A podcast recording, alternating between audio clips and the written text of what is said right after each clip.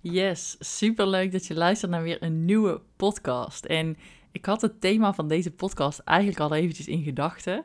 Maar in de tussentijd had ik ook de podcast met Sophie op de agenda staan. En dat vond ik eigenlijk een hele leuke podcast ook om op te nemen. En die heeft eigenlijk even voorrang gekregen. En ik dacht, joh, ik publiceer die gewoon wel eventjes uh, als eerste. En dan neem ik deze podcast daarna op. En wat blijkt nou? Haakt dit thema echt naadloos aan ook op, uh, op het vorige eigenlijk op de vorige podcast samen met Sophie. En ik wilde het in deze podcast gaan hebben over stress. En Sophie die sprak er al zo mooi over, dus ook in die vorige podcast, dat stress eigenlijk gezondheidskiller nummer 1 is. En ook dat alles wat je eigenlijk doet in jouw huidige leven, ten aanzien van je gezonde leefstijl en betere keuzes maken en, en sporten en misschien wel supplementen nemen, als daar tegenover staat dat daar heel veel stress aanwezig is, dan is het eigenlijk een beetje verspilde moeite. En dat is misschien ook wel nu alvast een mega eye-opener voor je. Ja, dat je jezelf een hele hoop ellende kunt besparen als je weet dat er heel veel stress aanwezig is en dat het andere gewoon niet zo heel veel zoden aan de dijk zet. Dus stress, dat is me een thema. En ik dacht, daar moest ik toch eens eventjes wat beter op inzoomen. Want een van de dingen waar ik recentelijk ook best wel wat over sprak op mijn Instagram en zo, is dat als jij als mijn volger um, ja, mij een beetje kent en, en ik daarmee jou ook wel, dat we een beetje uit hetzelfde hout gesneden zijn. En dat betekent toch wel dat je waarschijnlijk een beetje die mindset en die mentaliteit hebt van, hey, niet lullen maar poetsen, um, schouders eronder, we gaan er tegenaan, uh, niet miepen en uh, ja, excuses opzij en hoppatee, doorgaan. Want dat is misschien ook de manier waarop je in het verleden bewezen hebt gekregen dat je daarmee resultaten voor elkaar krijgt. En dat je daarmee het eindresultaat eigenlijk in je eigen hand neemt. En dat je daarmee gewoon de regie neemt over: hey, dit is wat ik wil, dit heb ik te doen, dus hoppatee, ik ga daarvoor. En met die programmering ben je waarschijnlijk ook opgevoed. Want dat is wellicht ook wat je mee hebt gekregen vanuit huis. Nogmaals, wat je daarna eigenlijk eigen bent gaan maken. De manier waarop je in het verleden dingen bevestigd hebt gekregen. En jij kent op een gegeven moment niet anders. En die eigenschap is in de basis eigenlijk heel mooi. Om op die manier, nou ja, al dingen in het verleden uh, voor elkaar gekregen te hebben. Dat betekent namelijk ook dat je over best wel wat doorzettingsvermogen beschikt. Dat je heus wel wat wilskracht hebt. Dat je over behoorlijk wat discipline beschikt als het maar in de richting gaat van dat wat jij echt voor ogen hebt en dat wat je echt heel graag voor elkaar wil krijgen. En dat je dat in ieder geval op de korte termijn altijd ook wel zult krijgen. Ten koste van wat anders dan misschien wel. Maar in ieder geval, jij bezit die eigenschappen voor succes. En die eigenschappen, die maken waarschijnlijk ook dat jij daar eigenlijk zo op bent gaan vertrouwen. Dat dat dus vaak jouw enige manier is geworden om bepaald resultaat te kunnen bewerkstelligen. Of sterker nog, dat je gaat denken op het moment dat je dat niet op die manier doet, um, dat het dan eigenlijk ofwel het resultaat minder waard is, of dat je het misschien niet echt verdiend hebt, of dat het dus een makkelijk resultaat was, omdat je niet all-in hebt hoeven gaan. En dat is tegelijkertijd dus eigenlijk best wel een gevaarlijk denkproces. En als je het dan dus hebt over het thema stress, dan is dat ook iets wat jij waarschijnlijk wat gemakkelijker wegwuift. Of waarvan je denkt, ach joh, weet je, ja, iedereen heeft het druk. Dus dat is toch gewoon standaard en dat is toch gewoon normaal. En, uh, en, en waar maak jij je druk om dat dat aanwezig is? Want het gaat hier allemaal prima.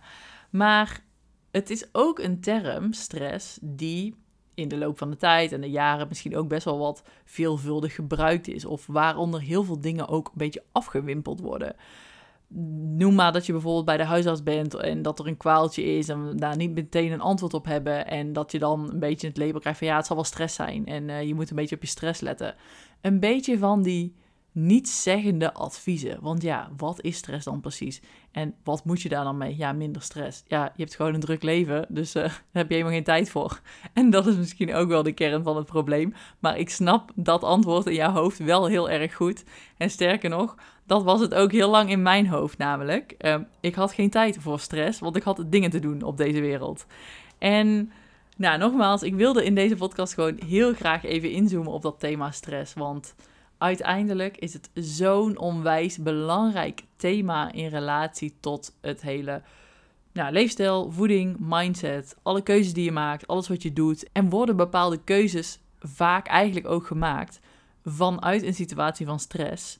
waarin je misschien niet helemaal meer de controle hebt of niet meer de keuzes helemaal maakt zoals je ze misschien in de basis het liefst zou willen maken. Denk al maar even aan je voedingskeuzes. Onder stress en onder emoties kiezen we vaak voor andere dingen. Ik hoef niet per se de producten te noemen, denk ik in deze, dat mogen duidelijk zijn.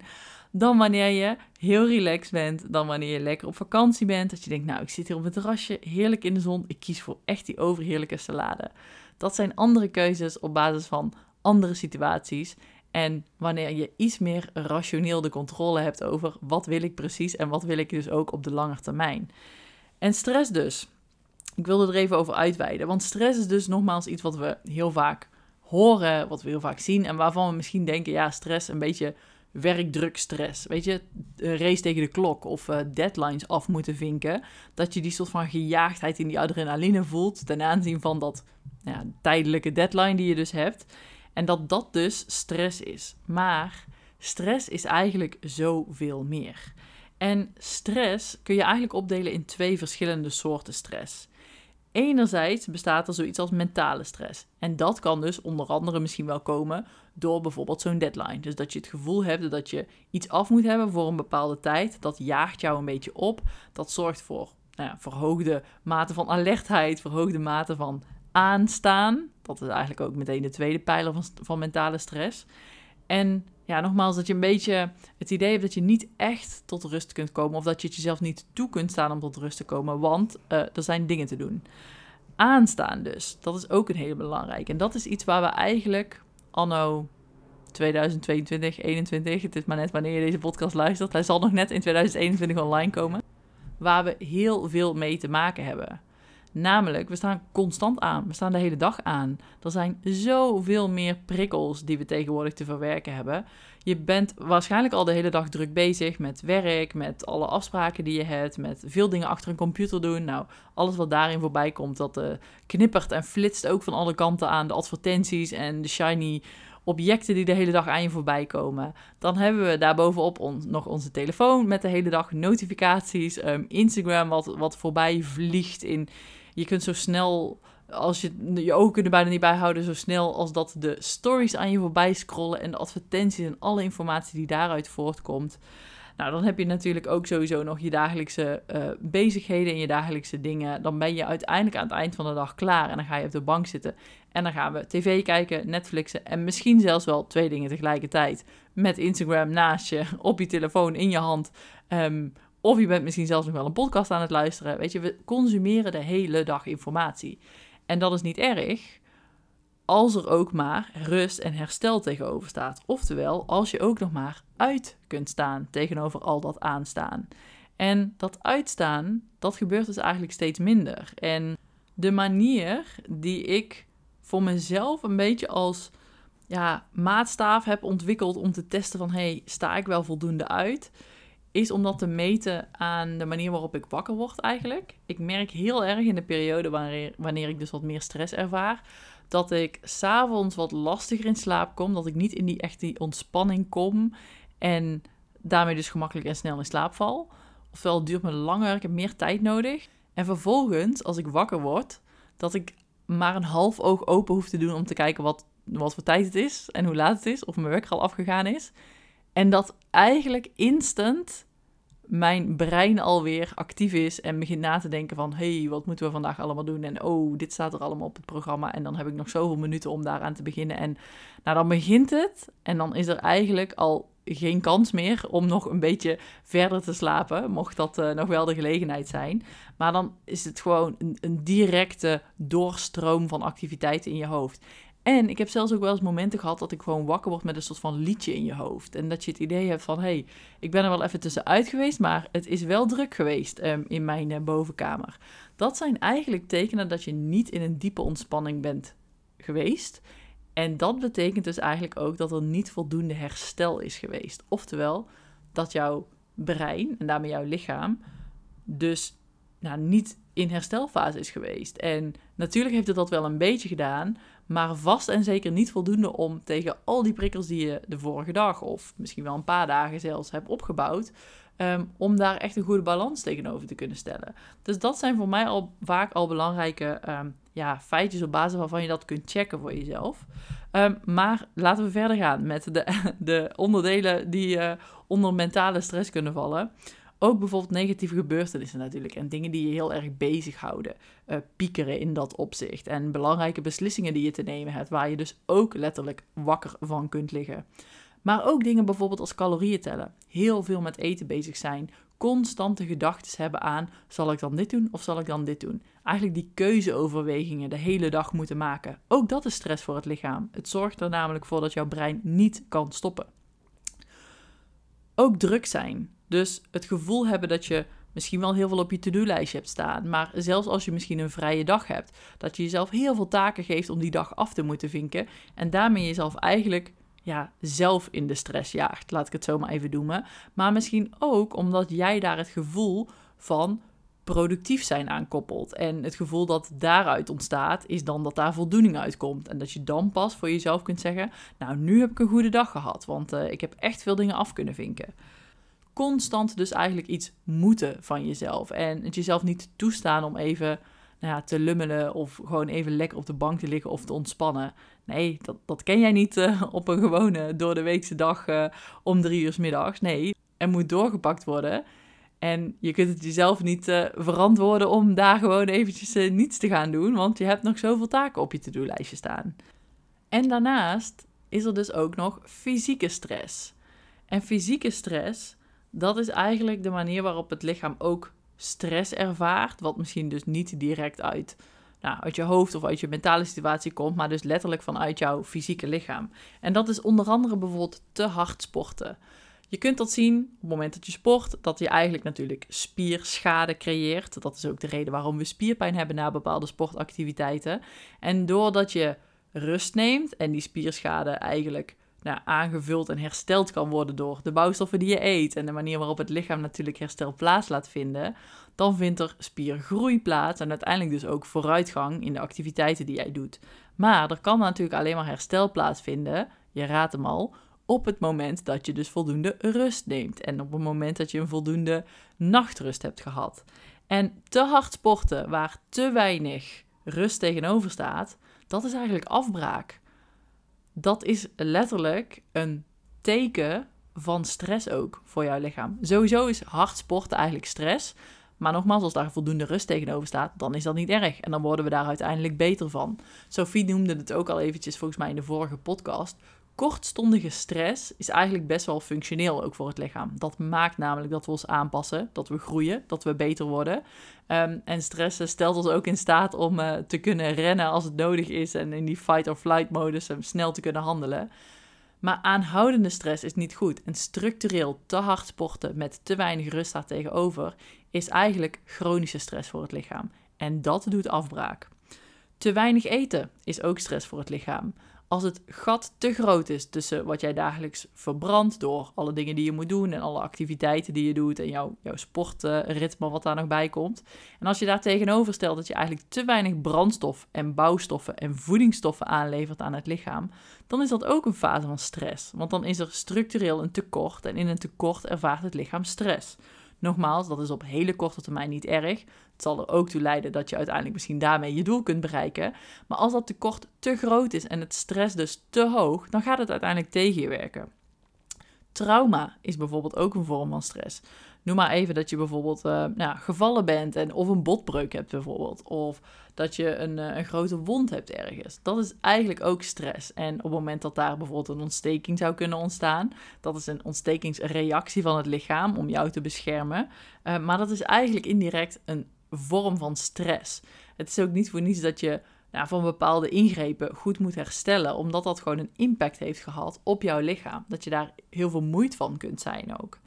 Um, ziekte is in dat opzicht dus ook stress. Op het moment dat je misschien wel uh, het virus hebt gehad, waar we niet te veel over uitweiden. Dat is ook stress voor het lichaam. Het lichaam moet heel hard werken om al die slechte bacteriën buiten te krijgen. Maar ook bijvoorbeeld slecht eten is stress. Want op het moment dat je slechte voedingskeuzes maakt, dat je heel veel, uh, nou, noem maar fastfood eet of heel veel suikers, dat werkt ontstekingsbevorderend in het lichaam. En dat moet het lichaam dus vervolgens weer tegenwerken en onder uh, bedwang houden, in bedwang houden. En die reactie van het lichaam, dat is eigenlijk wordt door het immuunsysteem uitgevoerd. Maar op het moment dat het immuunsysteem dus altijd aanstaat om uh, al die brandjes te blussen, dan is dat ook een vorm van stress voor het lichaam. Ontstekingen zijn natuurlijk in de basis eigenlijk een, uh, ja, een teken dat er wat gaande is en, en dat je lijf dat op moet lossen.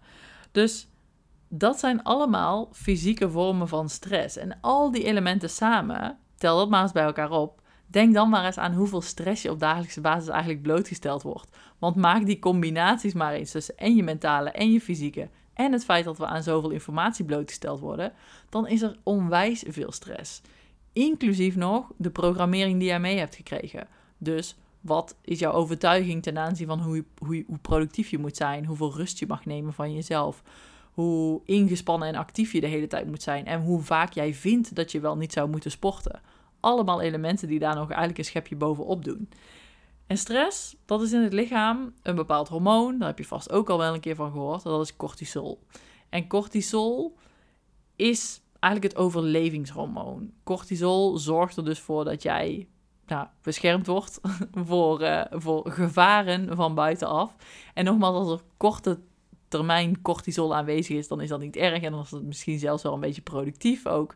Maar lange termijn een structurele stress, dat is niet goed voor het lichaam. Want dan staat je lichaam eigenlijk in een constante nou, overlevingsmodus. Fight or flight, zoals je dat ook wel herkent.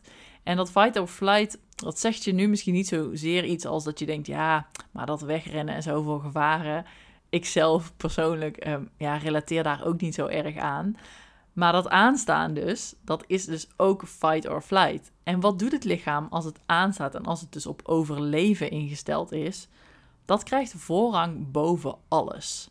Dat is het allerbelangrijkste proces in het lichaam op dat moment. Dat, dat heeft gewoon prioriteit. En als dat maar lang genoeg aanhoudt, dan gaat dat dus ten koste van andere belangrijke processen. Denk al maar eens even aan bijvoorbeeld je vertering op het moment dat er heel veel cortisol door jouw lichaam gaat, dan gaat dat ten koste van de energie en de aandacht die het lichaam kan besteden aan een goede vertering. Waardoor je dat merkt aan bijvoorbeeld de mate van opgeblazen zijn, met het idee dat je darmen heel erg geprikkeld worden, dat je weinig kunt hebben. En je verteringssysteem, dat is eigenlijk ja, overbelast is in dat opzicht, omdat het gewoon je voeding niet goed verwerkt. Komen er weer minder voedingsstoffen binnen, draagt dat weer bij aan een slechter herstel. En dat eh, is uiteindelijk natuurlijk ook een visueus cirkeltje waar je, waar je dan in vastzit. En dat is ook de reden dat heel veel mensen gaan natuurlijk ook wel relatief vaak dan denken aan... oh, ik, kan misschien wel niet zo goed tegen gluten of tegen lactose. Um, maar wie weet ligt de oorzaak ook wel grotendeels bij stress... en de mate waarin jouw systeem onder spanning staat... waardoor eigenlijk verschillende elementen slecht vallen op jouw vertering... maar niet eens zozeer één ingrediënt. Een ander gevolg van veel cortisol aanwezig um, in jouw systeem, is bijvoorbeeld dat er op een bepaald moment helemaal geen vetverlies meer plaatsvindt.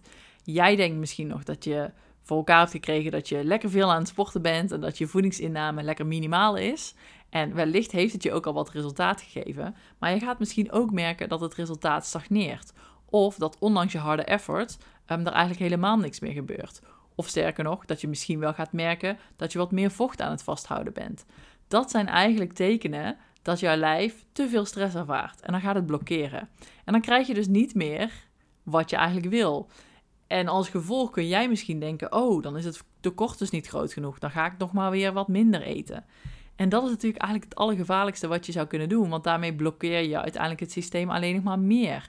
En komt het helemaal niet meer uit die soort van ja, onveilige zone. Nee, het wordt er alleen maar verder ingeduwd. Een ander gevolg van hoge cortisol-levels en constant onder stress staan of chronische stress, is ook een hormonale disbalans. Uiteindelijk heeft de voortplanting natuurlijk ook geen prioriteit als het lichaam op standje overleven staat. Als het enige wat het lichaam op dat moment aan het doen is, ervoor zorgen um, dat, jij, uh, dat jij geen gevaar loopt. Dan gaat het zich niet focussen op een goede voortplanting en ervoor zorgen dat er uh, nageslacht ontstaat. Nee, dus wat doet het? Het sluit eigenlijk een belangrijk deel, voornamelijk ook voor vrouwen. Vrouwen zijn uh, echt nog wel wat meer gevoeliger ook als het gaat om onze geslachtshormonen in relatie tot stress. Het sluit gewoon bepaalde belangrijke processen af. Oftewel, het kan zomaar eens zijn dat je geen menstruatie meer hebt, dat je geen ovulatie meer hebt. Dat jouw hele voortplantingssysteem dus eigenlijk gewoon even platgelegd wordt.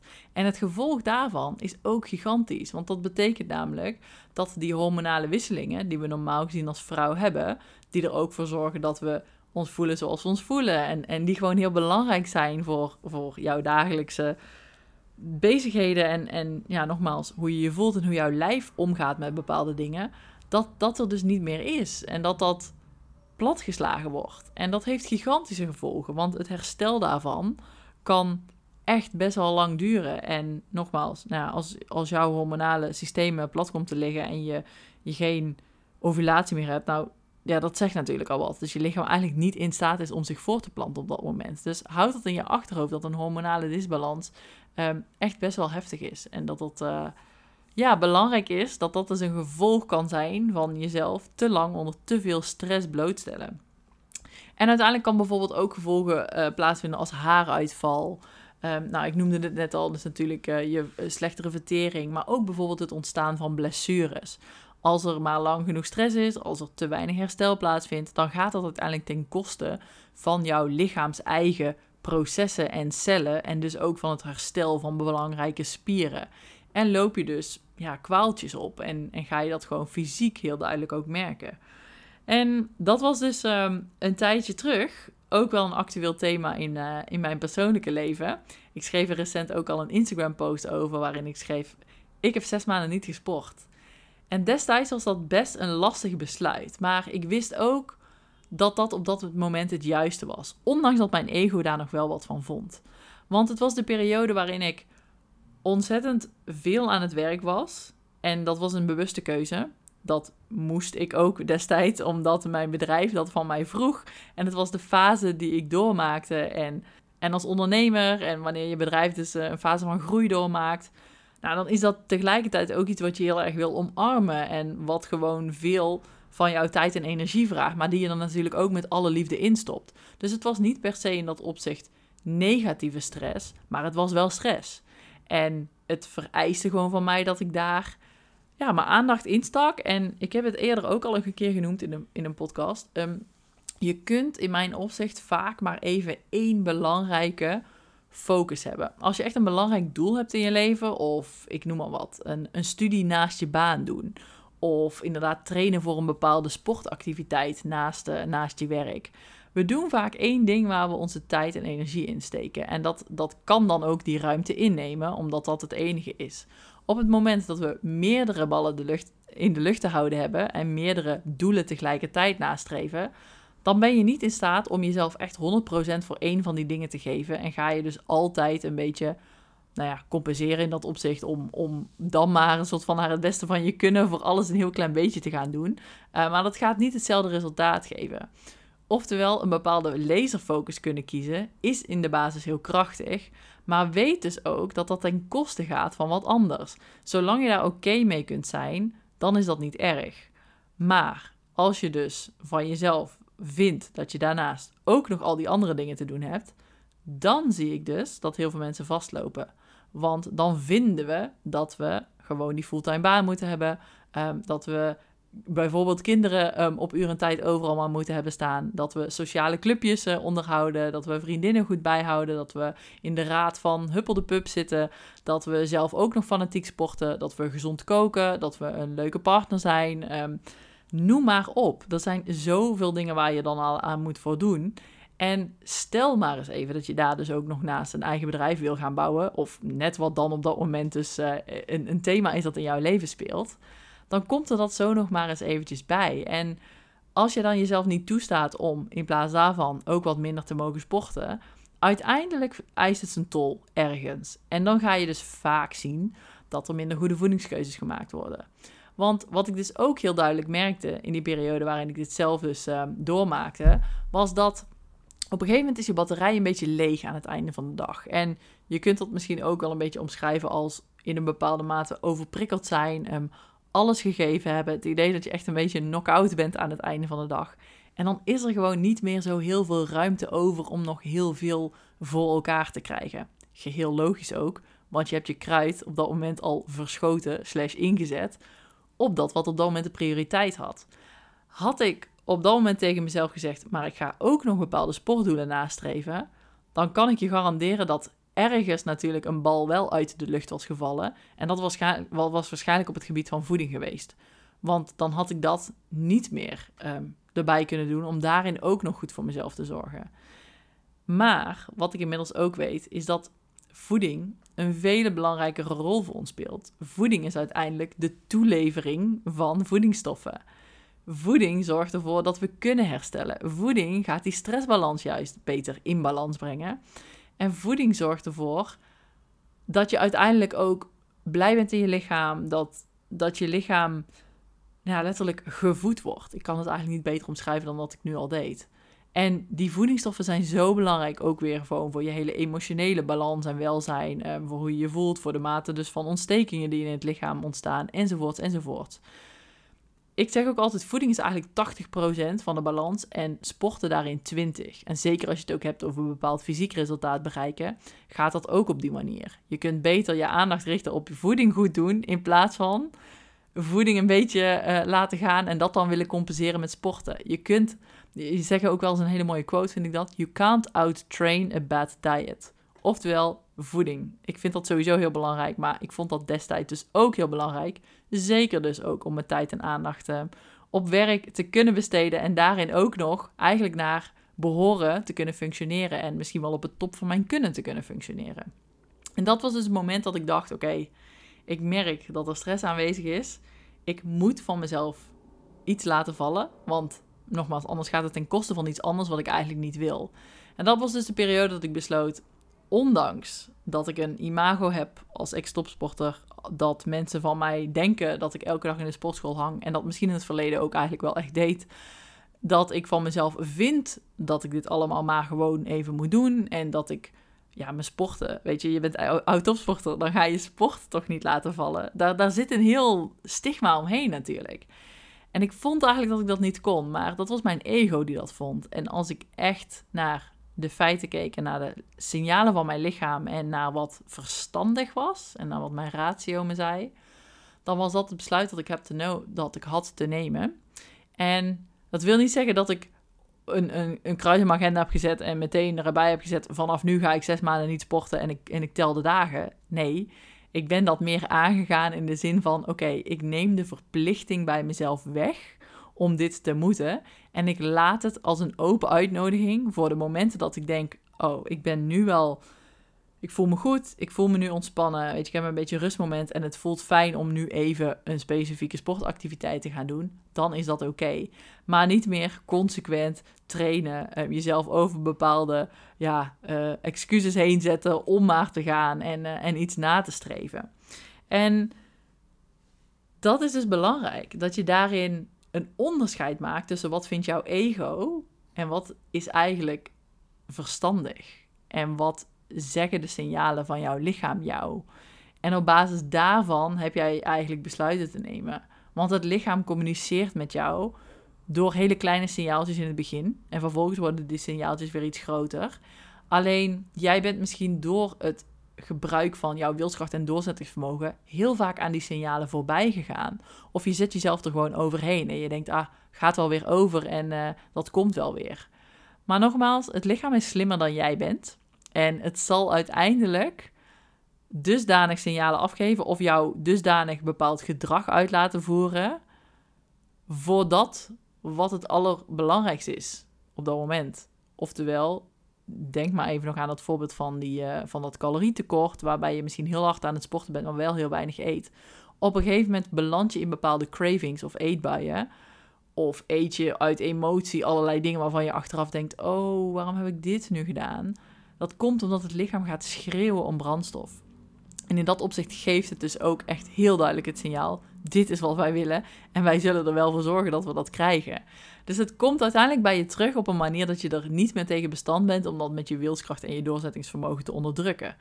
Dus dat moet je voorkomen. En een van de dingen, toen ik dit een beetje communiceerde ehm, op Instagram, was eigenlijk dat ik daar heel veel reacties op kreeg. Dus dat was allereerst al wel heel leuk en uh, ja, ook interessant dat daar natuurlijk heel veel herkenning uit ontstond bij velen.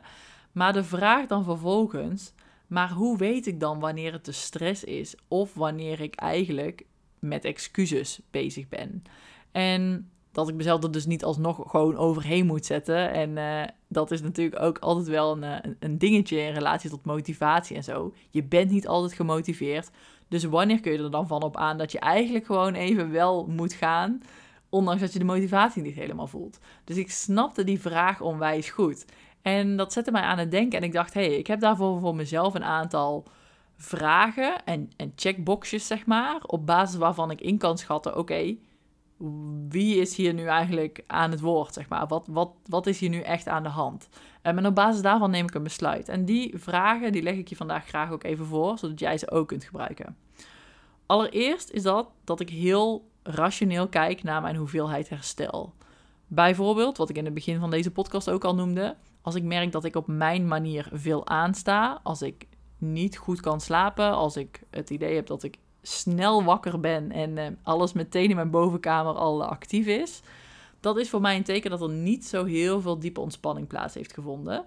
Oftewel, als dat een paar dagen op rij plaatsvindt en ik merk dat er vermoeidheid toetreedt, dat ik niet zomaar over die vermoeidheid heen moet stappen, maar dat ik mag accepteren dat er weinig herstel is geweest. En als er niet genoeg herstel is, dan is jouw kans op blessures sowieso veel groter. Nou, daar heb ik ook al een verleden mee. En ik kan je vertellen, dat brengt je verder van huis dan dat die ene sportsessie je op gaat leveren aan winst. Dus dat is voor mij ook een hele belangrijke geworden. Dat ik daarin mezelf ja, in acht neem en, uh, en die rust echt als een belangrijk item ben gaan zien. Oftewel, ik, uh, ik toets dus mijn eigen herstelwaarde. Tweede wat ik kijk is, wat zijn mijn activiteiten al geweest op deze dag? Dus ben ik fysiek heel actief geweest of, of viel dat wel mee en heb ik het idee dat ik echt uh, veel to-do's heb gehad en, en hard aan het werk ben geweest. En daarin misschien niet meer zo heel veel ruimte en energie over heb. Dat is voor mij ook een belangrijke pijler. Ten derde, dat beetje hangt daarmee samen. Ben ik vooral lang aan het werk geweest omdat ik uitstelgedrag aan het vertonen was? Of ben ik heel veel uren en dus ook daadwerkelijk productief geweest. Want als het uitstelgedrag is en eigenlijk misschien wel tot laat doorwerken, omdat ik eerder die dag gewoon nou ja, een beetje van alles en niets aan het doen was en iets te veel op mijn Instagram aan het posten en checken en, en de hele toestand en allerlei kleine taakjes waarvan je eigenlijk denkt, oh Lieke, dat had zoveel efficiënter gekund. Maar goed, hè, we hebben allemaal die soort dagen. Als dat het geval is, dan weet ik ook dat ik dus werken misschien als een excuus gebruiken om dan maar niet te kunnen gaan sporten. Nee, dan is dat eigenlijk gewoon bad time management. En dan kun je dus eigenlijk prima gaan sporten. Nogmaals, op nummer 1 staat herstel, dus daar moet je het altijd eerst op toetsen. En ten vierde check ik de fase van mijn cyclus. En je cyclus en je vrouwelijke hormonen spelen daarin ook een gigantisch belangrijke rol. Er zijn gewoon momenten in je cyclus dat je meer uh, vermoeid bent en ook dat je meer blessuregevoelig bent.